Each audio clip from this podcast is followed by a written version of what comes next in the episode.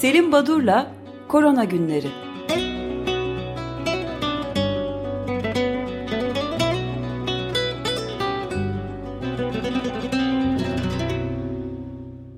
Günaydın Selim Badur, merhabalar. Günaydın efendim, günaydın Özdeş. Günaydın.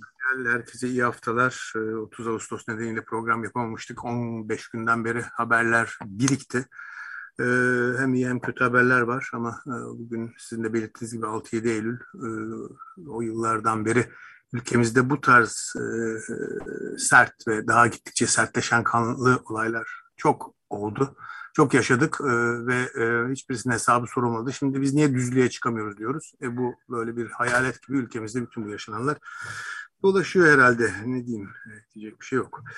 E, şimdiki korona e, e, ve COVID-19 salgını pandemisiyle ilgili olarak belirttiğim gibi 15 gün önce e, son programı yapmıştık. E, bugün itibaren 220 milyonu aştı olgu sayısı, 4,5 milyonu aştı yaşamını yitirenler ve günlük olarak bu 15 güne baktığımız zaman ortalama 590 bin, 590 bin 220 olgu eklendi listeye. Ee, yani 600 bin bandında gidiyor her gün ee, ve e, aşılama oranlarına baktığımızda da e, 5,5 milyara ulaştı kullanılan dünyadaki küresel aşı dozu.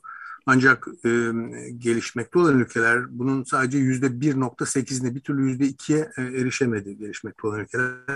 Türkiye'de iki doz alanların oranı yüzde 44.9, 38 milyon e, yurttaş e, iki doz aşı oldu. Çok yetersiz tabii. Şimdi bir takım haberler var ve önemli haberler. Örneğin bugün 13 milyon öğrenci, 500 bin kadar öğretmen de e, yeni öğretim yılına uzun bir aradan sonra başladılar. Okullarda alınan önlemler neler yapıldı, neler eksik, neler e, bizi bekliyor. Biraz ona değineceğim. Ama eğer vakit kalırsa çok önemli bir nokta. Bu üçüncü hatta ülkemiz bu konuda dünyada başı çekiyor. Bir ilke imza attı. Dördüncü doz aşı konusu. Bu konuda gelişmeler var. Buraya da değineceğim ama müsaade ederseniz bir hızlı bir dünya turu, e, ufuk turu gibi oldu. Şimdi İskoçya ilk kez günde 6835 olguyla e, bir ilke imza attı en fazla olgu. Norveç'te geçen haftaya oranla %50'lik bir artış var olgu sayısında. İran'da hafta sonu günde 709 kişi yaşamını yitirmiş. Ee, Avustralya 6. kapanmaya gitti.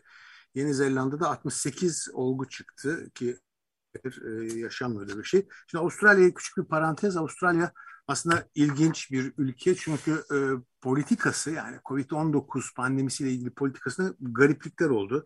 İşte önce e, çok fazla e, önemsenmedi. Daha sonra AstraZeneca firmasıyla anlaşma yapıldı. AstraZeneca firmasının işte kan pıhtılaşmasına yol açtığına dair bir takım haberler çıkınca e, yasaklandı, ötelendi. E, kısacası bir aşılamada bir gecikme oldu. Toplumda aşı karşıtlığı arttı.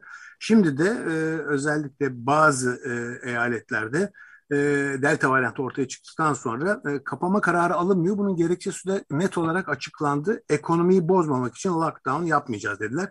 Bütün bunlar ilginç, tuhaf ama e, ne yazık ki acı. Ve acı, acı evet. Acı gerçekler ama e, bunu daha önce de belki belirttim. Bana kalırsa en gerçekçi açıklamayı da yine e, Başbakan Scott Morrison yaptı 23 Ağustos'ta. Biraz vakit geçti ama dediği artık bir, bir takım gerçekleri kabul etmeliyiz. Biz e, sonsuza dek bu kapanmalarla yaşa, yaşamayacağız, yaşayamayacağız kendimizi böyle mağarada hisseder gibi yaşamamız mümkün değil. Bu gerçeği kabul edip bunu olduğu gibi kabul edelim. Bunun üstesine gelemeyeceğiz gibi bir şey söyledi. Yani bu da e, değişik bir e, yaklaşım.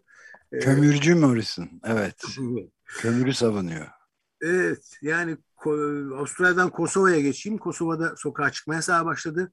E, Brezilya'da Amazon bölgesi Manaus'ta artık e, insanlar tamamen boş vermiş durumdalar. E, hiçbir şeyden korkumuz kalmadı. Ölüme alıştık artık demeye başlamışlar röportajlarda. Çok e, karamsar ve e, böyle iç karartıcı bir haber. Hindistan'da 44.510 olgu çıktı. Bangladeş'te günde 4.600 olgu. E, Bulgaristan 2000 olguyu geçince 7 Eylül'den itibaren, yarından itibaren büyük kısıtlamalara gidiyor. Ama çok büyük bir güvensizlik var. Aşı karşıtlığının da başını eski bir televizyon sunucusu olan 54 yaşındaki Stanislav Trifonov yapıyor ki politikaya da atılacakmış. Çin'de Nanjing eyaletinde delta salgını var. Filistin sonunda aşıya kavuştu ama aşı karşıtlığı çok fazla. Singapur'da hani kontrol eden ülkelerden biri olmasına rağmen e, pandemiyi aşılama yüksek, testler yüksek e, ama e, 60 yaş üzerinde e, yeniden aşılamaya gidiyor. Burada da sorun var. Yani dünyanın neresine bakarsanız bakın gelişmiş, gelişmekte olan ülkeler, kuzeyi, güneyi, e, doğusu, batısı her yerde olgu sayısında artışlar var. Bu e, işte bir bir sorun demeyeyim ama bir yetersizlik olduğu çok net olarak küresel boyutta ortaya çıkıyor. Bir takım haberler var. E, bunlara değineyim e, kısa kısa. NBC News haberi 1 Mart'tan bugüne dek e, Amerika'da 15 milyon doz aşı şu ya da bu nedenle kullanılmadan işte tarihi geçti, bozuk çıktı, e, bulunmaması gereken ısıda tutulduğu anlaşıldı diye 15 e, milyon doz aşı atılmış. Bu dönemde de 371 milyon doz uygulanmış. Yani 371 milyon doz uygulanırken 15 milyon doz atılmış. Niye bunu söyledim bu haberi? Çünkü konuyla ilgilenenler için bizim de programlarımıza defalarca katılan e, İsviçre'den Dünya Sağlık Örgütü'nde uzun süre görev yapan sevgili Ümit Kartoğlu'nun Health Affairs blogda bir yazısı çıktı 31 Ağustos'ta. Aşı üreticileri bu aşı kaybını, aşının atılmasını, bozulmasını, e, yanlış kullanımını nasıl engellerler diye kendisinin uzun yıllar çalıştığı ve e, geliştirdiği VVM denilen bu Vaccine Vial Monitor adı ismi verilen bir takım e, endikatörler vardır aşıların üzerinde bunu geliştiren ve uygulayan bir kişiydi. Onunla ilgili bir yazı yazmış. Hani ilgilenenler bu aşı kaybı ziyanının Türkiye'de ne kadar bilinmiyoruz ama e, bunu engelleyecek e, önemli bir yazı. Buna imza atan bir e, arkadaşımız. Evet, ben bu noktada ufacık bir ilavede bulunayım izninizle. Yani e, Avrupa Birliği'nin bu atılan aşılar meselesinde aktivistlerin baskısı altında Afrika'ya yani tepki gösterilmesi üzerine Avrupa Birliği milyonlarca Johnson Johnson aşısını e, yollamaya karar verdiği haberi vardı.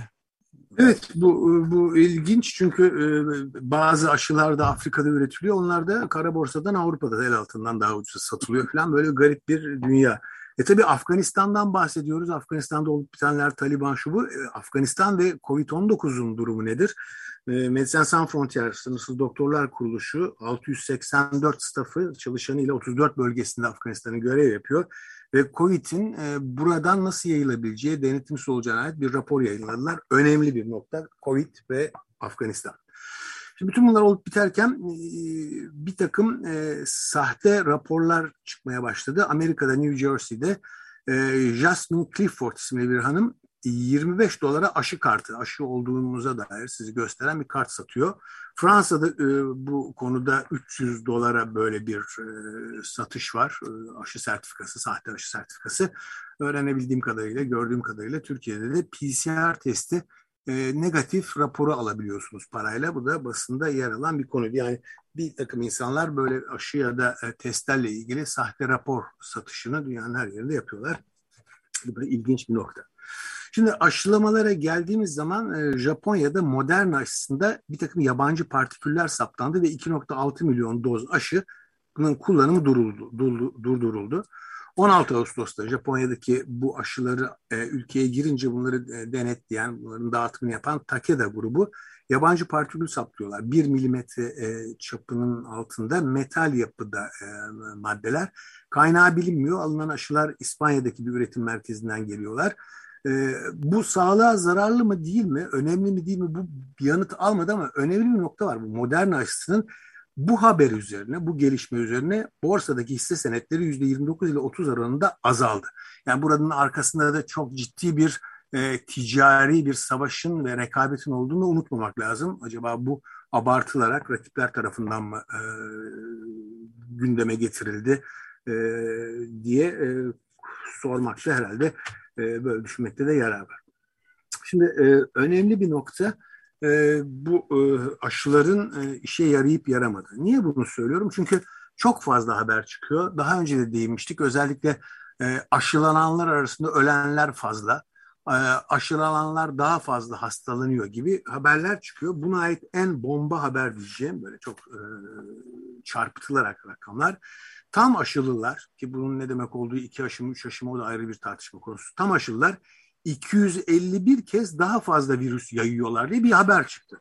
Şimdi buna baktığınız zaman bunun böyle akıl ziya bir şey hiç yani böyle bir şey olması mümkün değil. Bunun üzerine hemen ilgilenenlerin e, daha doğru bir e, hesaplamaya erişecekleri yazı e, ülkemizde Bilim Akademisi'nin Sarkaç web sitesinde çıktı. E, Covid-19 aşıları ve Simpson paradoksu diye e, Özan Can Özdemir tarafından kaleme alınmış. Oldukça güzel bir yazı. Merak edenler hani ya bu haberler çıkıyor. Gerçekten aşılılarda e, böyle bir e, olumsuzluk var mı? Daha mı fazla ölüyorlar? E, daha mı fazla hastalanıyorlar gibi bu haberlerin ve bu sayısal değerlendirmelerin ne kadar yanlış ve e, çok e, hatalı bir şekilde hesaplanan yalan, yalan olduğunu Özan Can Özdemir ODTÜ İstatistik Bölümünden güzel bir yazı Sarkaç e, sitesinde bulunmakta. Şimdi aşıların e, durumuna baktığımız zaman bir kere e, genel anlamıyla CDC'nin açıklaması aşısızlar aşılılara oranla 5 misli daha fazla e, hastalığa yakalanma riski taşıyorlar ve Amerika Birleşik Devletleri'ne sadece aşılamanın başladığı, hani geç de başlamıştı olsa en az 140 bin kişinin COVID'den ölümü engellendi deniyor. Bu da önemli bir rakam, e, önemli bir sayı. E, tabii en önemli yazı e, kısa bir süre önce JAMA dergisinde çıktı. Nicholas Klein ve arkadaşları İsrail'deki 6.2 milyon kişide 11.8 milyon doz aşı kullanıldıktan sonra mRNA aşıları, BioNTech ve Moderna'nın bu aşıların yan etkileri, yarattığı olumsuzlukları hesaplamışlar ve gerçekten aşıların çok güvenilir olduğunu açıklıyorlar.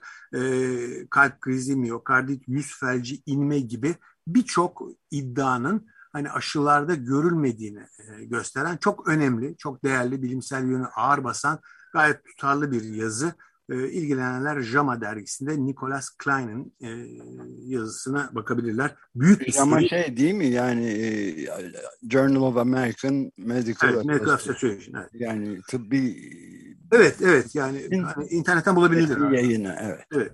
Şimdi bu aşı karşıtlarının hani ilgili bu özdeşi ilgilendiren bir haber aşı karşıtı niye diyeceksin şimdi Özdeş? E, çünkü e, bu aşı karşıtlığı ya da aşı tereddütü haberlerinin bir de finansörleri var tabii. Buna ait önemli bir e, yayın çıktı böyle 60 sayfalık falan. Kimler aşı karşıtlığı söyleviyle ne tür paralar kazanıyorlar?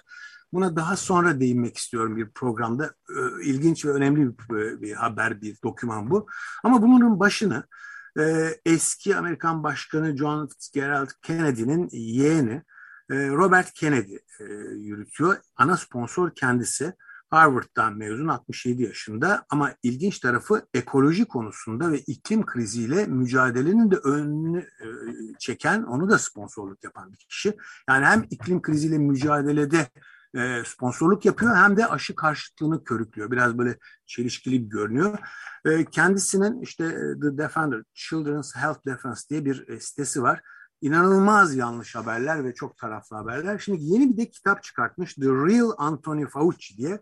Anthony Fauci'nin nasıl büyük bir sahtekar, nasıl deyim yerindeyse satılmış. E, Çin yönetiminde falan.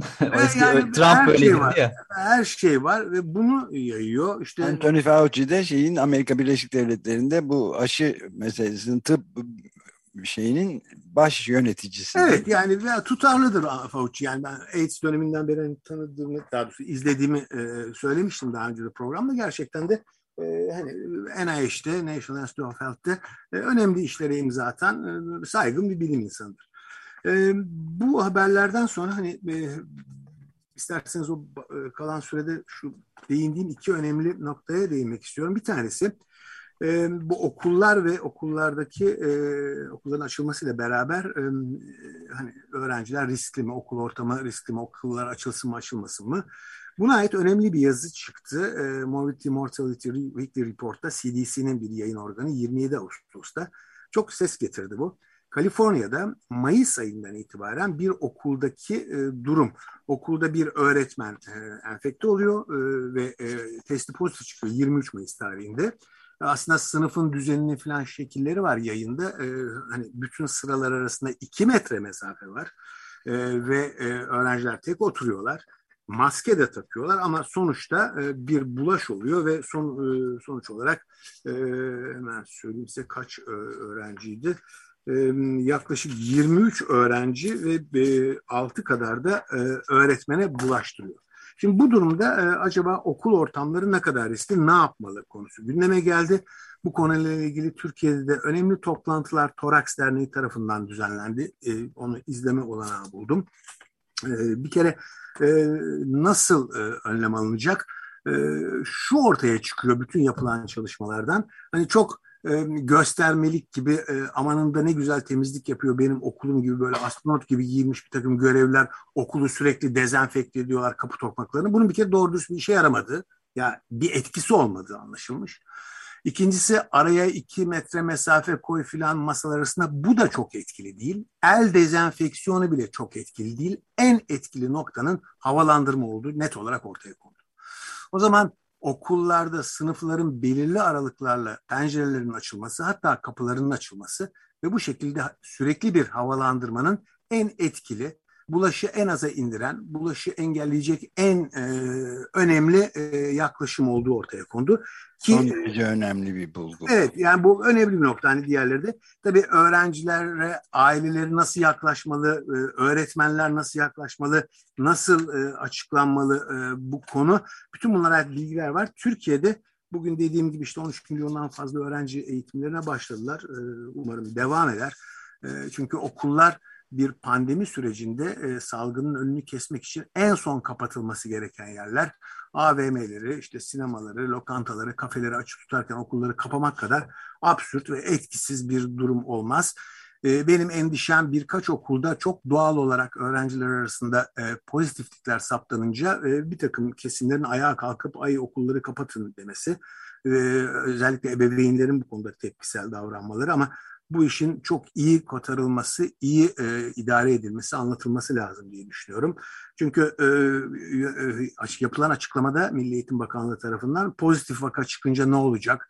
Bir vaka çıkarsa ne olacak? İşte okul mu kapatılacak, sınıf mı kapatılacak? İki vaka çıkarsa, örneğin aynı sınıfta 10 gün içinde iki kez olgu çıktığında sınıf öğrencilerinin tamamı yakın temaslı olarak kabul edecekler bu öğrenciler eve gönderilip 14 gün boyunca temaslık takibine alınacaklar deniyor. Peki ama e, pozitif vaka çıkan sınıfta görev alan öğretmenler ve sınıfın diğer öğrenci okul girişinde 14 gün boyunca en az iki defa semptom sorgulaması yapılacak.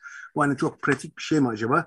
Bunların e, tekrar yani düşünülmesi lazım. Uygulamaya geçilince e, geçerliliği, e, uygulanabilirliği görülecek.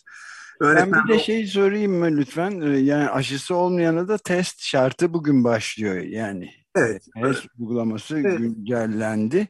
Aynen aynı söylediğiniz gibi okullarla ilgili öğretmen ve okul çalışanlarının aşı olmamaları durumunda haftada da iki kez PCR test istenecek.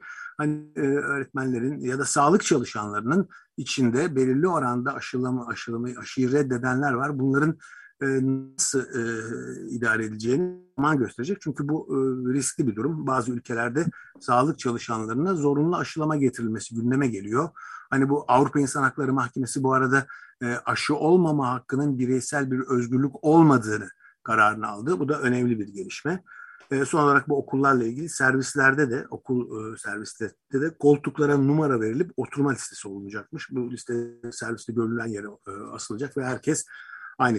Şimdi okullarla ilgili önemli bir nokta bir karbondioksit aletinden bahsedilmeye başlandı. Belki gözünüze ilişmiştir. Çünkü ticari yönü var. İngiltere e, okullara e, kullanılmak üzere 300 bin tane e, bu cihazdan alıyor. Karbondioksit saptama cihazı 25 milyon sterlin ayırmışlar. Bunun için ciddi bir bütçe.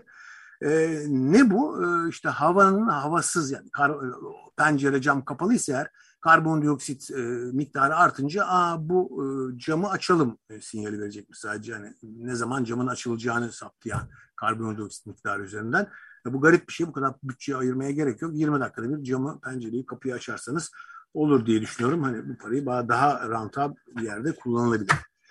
Şimdi kalan çok kısa sürede şu üçüncü dozla ilgili e, bir noktaya değinmek istiyorum. Bu önemli bir nokta. Çünkü biliyorsunuz üçüncü doz Türkiye'de ilk gündeme geldi. Uygulanmaya başlandı. Birçok kesim yani Sağlık Bakanlığı'ndan e, Birliği, odaları, hekimlere kadar bilim insanları hep bunu önerdiler.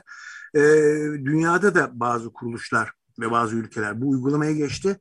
E, Türkiye bir adım öne geçti kısa bir süre önce dördüncü doz aşıdan bahsediyorlar. Şimdi Danimarka mesela herkes üçüncü doz aşı olacak dedi. E, Fauci e, evet aşı dedi. Ama ilginç bir gelişme var. Şimdi tamamen rastlantı eseri geçtiğimiz hafta sonunda Avrupa 3. E, Avrupa İmmünoloji Kongresi yapıldı ve e, düzenleme komitesi sağ olsunlar görev vermişler. Ben, benim de bir oturum başkanlığı vardı. Oturum başkanlığında üç e, bilim insanı konuştu. Grigori Efimov Rusya'dan, e, Moskova e, Araştırma Enstitüsü'nden sanıyorum. E, önemli bir konuşma yaptı. Çünkü e, antikorlar azalınca koruma ortadan kalkar görüşünün ne kadar yanlış olduğunu ortaya koydu. Peter Hotez Texas Üniversitesi'nden bir konuşma yaptı. Kendisi e, kendisinin otistik bir çocuğu var Rebecca ve e, Rebecca'nın e, otizm sorunu aşıdan değildir diye bir kitabı var kendisinin. Ama en ilginç ben tanımıyordum doğrusunu isterseniz. Ne yazık ki e, bu hani benim ayıbım. Phil Cross isimli üçüncü bir konuşmacının e, oturumuna da başkanlık yapmış oldum. Phil Cross çok ilginç bir kişi. Regulatory issues yani birazcık e, işin yasal bu COVID-19 aşılama stratejilerini belirleyen bir konuşma yaptı. Kim bu diye yine söylüyorum gerçekten bu benim ayıbım. Kendisi meğerse FDA'in e, regulatory bölümünün başkanıymış. FDA yani Amerika Birleşik Devletleri. Food Drug Administration evet. Bu izinleri gıda veren ve, gıda ve ilaç kuruluşunun evet, başında. Evet, evet. Şimdi ilginç olan ve bunu işte benim hatam diyorum sonra öğrendim. Philip Cruz bu konuşmayı yaptı ama Philip Cruz 1 Kasım itibariyle FDA'ya istifa mektubunu vermiş. Ne oluyor diye baktım. Niye istifa ediyor? Adamın dediği şu, bu üçüncü doz aşının en ufak bir rasyoneli, üçüncü doz aşı uygulamasının gereği yoktur. Bunun hiçbir bilimsel dayanağı yoktur diyor. Bu kendisi ve Marion Gruber diye bir başka FDA bölümünün e, direktörü bu gerekçeyle Amerikan politikasına biraz protesto eden, işlerine sindiremeyip istifa ediyorlar. Şimdi bu e, durum üzerine e, Avrupa ECDC kuruluşu bir açıklama yaptı ve diyor ki ECDC kuruluşu bu da web sitelerinde bulunabilecek bir bilgi. E, diyor ki e, üçüncü doz aşı özellikle immün sistemi zayıf olan yani iki doz aşıya yeterince cevap vermediği düşünülen insanlara uygulansın. Ama dünyanın başka yerinde aşıya erişim yok. Yani iki doz aşı olanların üçüncü doz aşıyı yaptırmalarına gerek yok diyor. Şimdi çok kafa karıştırıcı bir şey çünkü ülke bunu politik olarak benimsedi ve uygulamaya başladı. İsrail, Amerika, işte bir takım e, başka ülkeler, Avrupa ülkeleri. Peki bizde durum ne? Bizde bırakın üçüncü doz aşıyı orada kimse tereddüt etmedi. Herkes bir konsensüse vardı. Şimdi dördüncü doz aşı gündeme geldi. Peki şu soru sorulmamalı mı? Haksız mıyım acaba e, Sayın Madra, Sayın sevgili Özdeş? Peki dördüncü doz aşı yaptıktan üç ay sonra beşinci doz aşı gündeme gelmeyecek mi? Dörtte bitiyor mu iş? Tabii. Beşten üç ay sonra altı gündeme gelmeyecek mi? Peki bizim, bizim bayraktarlığını yapacağız tabii. Değil evet mi? ve bizim bildiğimiz immünoloji klasik bilgisinde bir aşıyı yaptığınız zaman aşının oluşturduğu antikorlardan yararlanmaktan çok oluşan immün sistemin aktive olan bellek hücreleri vardır. Bu bellek hücreleri antikorlar bir süre sonra düşse azalsa bile etkenle karşılaştığında ortamda hiç antikor yok. Bu bellek hücreleri çok süratli antikor üretirler. İmmünolojinin temelidir bu. Peki bu mekanizma COVID'de çalışmıyor. Yani bu hepatitte çalışıyor, kızamıkta çalışıyor. Yani bu üçüncü ve dördüncü doz aşıların e, gerçekten bilimsel e, dayanağı var mı? Çünkü tek gerekçe iki doz aşı yaptıktan bir süre sonra antikor titresi düşüyor. Peki de düşünce acaba koruma ortadan kalkıyor mu? Bu bir soru işareti. Evet, bu Yarışlarda kaçmıyor. Bir nokta yani. yani bu bu konu tartışılmalı. Bu konu sadece Türkiye değil, dünyada da tartışılmalı ve nitekim ciddi bir takım kurumlar hop ya ne oluyoruz demeye başladılar. Dediğim gibi üçüncü doz aşıdan bir süre sonra antikor titresi düştü. Dördüncü yapıyoruz. E, dördüncüden iki ay sonra da düşecek. Beşinci gündeme gelecek. Beşten iki ay sonra altıncı gündeme gelecek. Bunun sonu yok. Biz söylenen bir şey var. Son söz şunu söyleyeyim. Ali Bilge bana kızmasın. Onun hoşgörüsüne sığınayım. Ama bilinen bir nokta var. İki doz Sinovac aşısı olduğu halde bir süre sonra yoğun bakıma yatan insanlar var deniyordu. E şimdi bir haftadan beri iki doz Biontech olduktan sonra da yoğun bakıma yatan hastalar var. Bu normaldir, olacaktır. Yani 100 kişiyi aşıladığınız zaman bir ya da iki tanesine istemediğiniz etki, istediğiniz kadar etkinlik saptanamayabilir. Bunun bir sürü nedeni var. Apayrı bir konu. Ama yüzde yüz koruma olmayacağı gibi bu insanların aşılananların hastalığa yakalansalar bile hastalığı hafif geçirdikleri, ölmedikleri, yaşamlarını yitirmediklerini biliyoruz. Ama kalkıp da iki hele beni çok güldüren kimse kusura bakmasın iki Sinovac'tan sonra bir Biontech. Ya bir tek çalışma yok bu konuda. İki Sinovac'tan sonra niye BioNTech yapıyorsun? Niye başka aşı yapmıyorsun? Niye aynı aşıdan yapmıyorsun? Böyle bir e, şey var, konsens var. Öyle düşünüyorum, ben öyle inanıyorum ki. İyi de bu bilim bu yani. Bunun bir kanıtı olması lazım. Bunun bir e, bilimsel veriye dayalı bir e, donesinin olması lazım. Olmadan bu nasıl yapılıyor? Benim anlamam pek mümkün değil. Allah'tan yalnız değilim galiba bu konuda. ECDC ve FDA'deki bazı kişiler olmak üzere bazı insanlar e, konuyu ortaya atıp tartışmayı... Minik bir hani, soru. Bu konuda Türkiye'deki e, sonuçlar yayınlandı mı? Yani Delta'nın iki Sinovac artı bir BioNTech e, sonrası etkisi vesaire. Özdeş Türkiye'de kaç tane e, virüslerin kaçı Delta? Hiç bilmiyorum. Yani hiç kimse bilmiyor zaten. tamam, yani kalkıp da delta'dan nedeniyle çok fazla olgu arttı. Ya o, o, kaçı delta? Bu açıklanmıyor ki. Bilmiyoruz bunu. Yani Dünya Sağlık Bakanlığı vardır bu veriler. Onun için evet e, hep böyle şey e, el yordamıyla genellemeler yaparak delta var ondan çok artıyor filan. E, bilmiyoruz ki kaç tane delta var. Ya da ben bilmiyorum. Yani, ben görmüyorum hiçbir.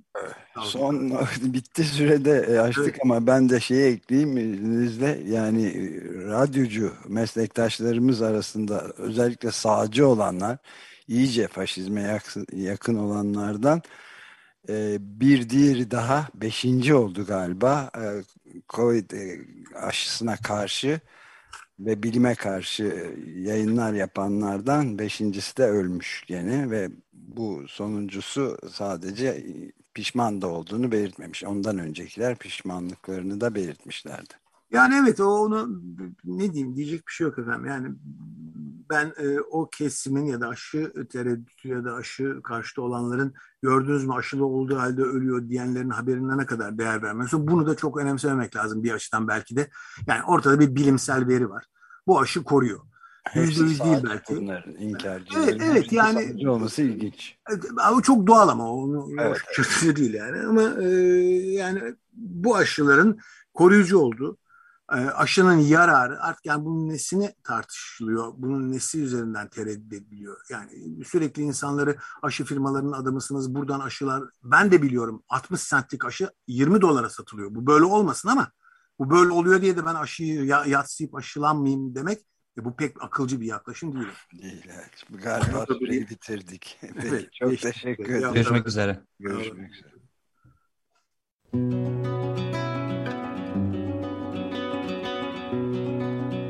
Selim Badur'la Korona Günleri